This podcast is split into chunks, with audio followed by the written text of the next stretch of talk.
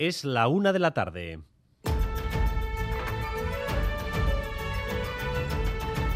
Crónica de Euskadi con Dani Álvarez. A Rachaldeón, el gobierno de coalición se siente seguro con el PNV y Euskal Herria Bildu. En los casi tres años que llevamos de legislatura en el Congreso, los grupos abertzales apenas han puesto en dificultades a Pedro Sánchez. De 150 votaciones, el PNV solo le ha dicho cinco veces que no y EH Bildu seis informa Miquel Arregui, a Rachaldeón. A Rachaldeón, sí, el PNV y Euskal Herria Bildu se han mantenido fieles al gobierno en casi todas las 146 votaciones que hemos contabilizado entre proyectos de ley y decretos. Los yelzales son más proclives a votar a favor del gobierno, mientras que EH Bildu tiende más a la abstención, sobre todo cuando se trata de medidas económicas. Aún así, como decíamos, los dos grupos vascos casi no votan en contra de casi ninguna iniciativa que parte de Moncloa. Son los socios más fiables del gobierno de coalición, tendencia que veremos si se mantiene ahora que entramos en la recta final de la legislatura. Hoy es precisamente día de pleno en el Congreso y Pedro Sánchez ha anunciado una solución para las calderas comunitarias de gas. A los hogares que formen parte de comunidades de vecinos con calefacciones centralizadas de gas natural, creando con ello una nueva tarifa regulada para que se limite hasta finales del año 2023 el incremento trimestral de los precios. Este anuncio sobre las calderas comunitarias no es el único del día porque el gobierno despliega otros 3.000 millones en ayudas. Y Sarobaza. Sí, 3.000 millones de euros que llegarán, en palabras de Sánchez, al 40% de los hogares, además de la aplicación de esa tarifa regulada para las comunidades de vecinos con calderas centralizadas. El descuento del bono social eléctrico aumentará un 15% para los beneficiarios más vulnerables y la cuantía del bono social térmico se elevará hasta los 375 euros. Estas medidas se aprobarán el próximo martes en Consejo de Ministros. El martes que viene se cumplirán 25 años exactos de la inauguración del Museo Guggenheim. Ya saben lo que este museo representó para Bilbao, Vizcaya y el conjunto del país a nivel cultural y económico. Pero cinco días antes, ETA, que se oponía a su apertura, intentó sabotear la inauguración con un atentado que frustró la Erchaincha. La intervención de un agente que se percató de la presencia de un comando le costó la vida. Le mataron a tiros. Y Manuel Manterola hoy se recuerda a Chema Aguirre en la plaza que lleva su nombre. Plaza de la Erzaña Chema Aguirre, donde hoy luce una fotografía suya justo al lado de la placa que recuerda lo que pasó aquí hace 25 años, una placa ahora cubierta de flores tras el homenaje que acaba de concluir. Decenas de excompañeros, de miembros de la Erzainza y una representación del gobierno vasco han participado en este pequeño acto reivindicando que Chema Aguirre evitó una catástrofe y que si hoy podemos celebrar el 25 aniversario del Guggenheim es porque él dio su vida por ello. ¿Cómo y cuándo actuar en los colegios ante un intento o después de un suicidio?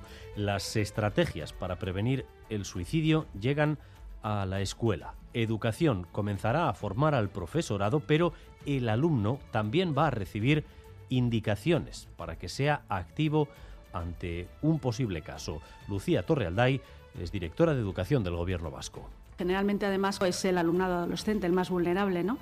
Y, tiene una tendencia natural a compartir eh, con sus iguales. Por lo tanto, creemos que esta formación a los iguales también es una, una formación que puede aportar un valor añadido.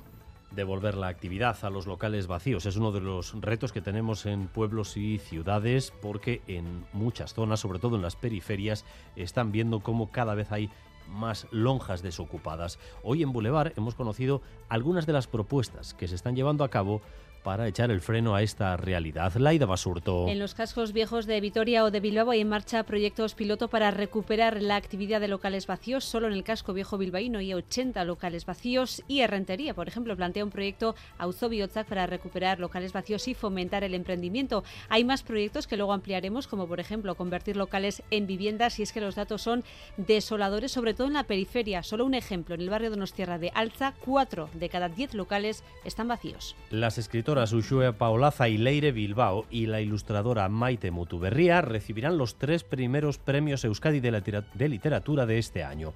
Ushua Paulaza recibirá el premio Literatura en Euskera por su obra Biurgune Conasa. Leire Bilbao el premio de Literatura Infantil y Juvenil en Euskera por Barruco Ochak y el premio Ilustración de Obra Literaria será para Maite Mutuberría por Irrimola tres mujeres a las que se reconoce el trabajo literario realizado por su gran calidad. Ellas se han mostrado, como no, contentas. Es como las críticas, ¿eh? O sea, es, creo que el escucha a Lizarralde cuando le dieron el premio es una crítica más positiva.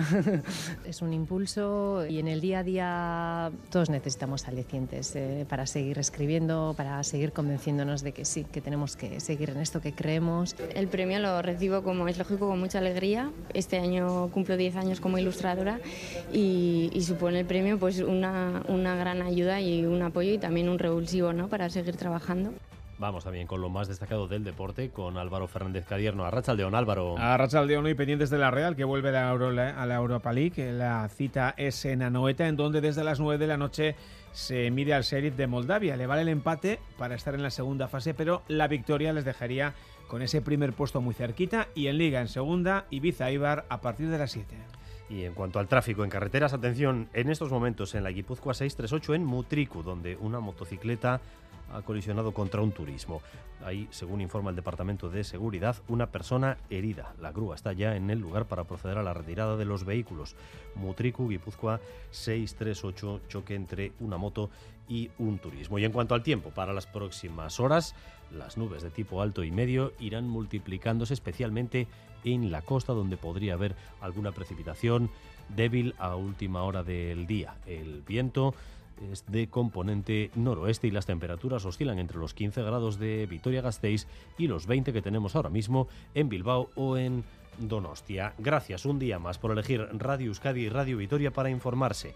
Raúl González y José Ignacio Revuelta se encargan de la dirección técnica, a Itziber Bilbao de la coordinación. Este jueves en Gambara, Jordi Turull, el secretario general de Junts, a las 8 de la tarde. Gambara con Arancha García.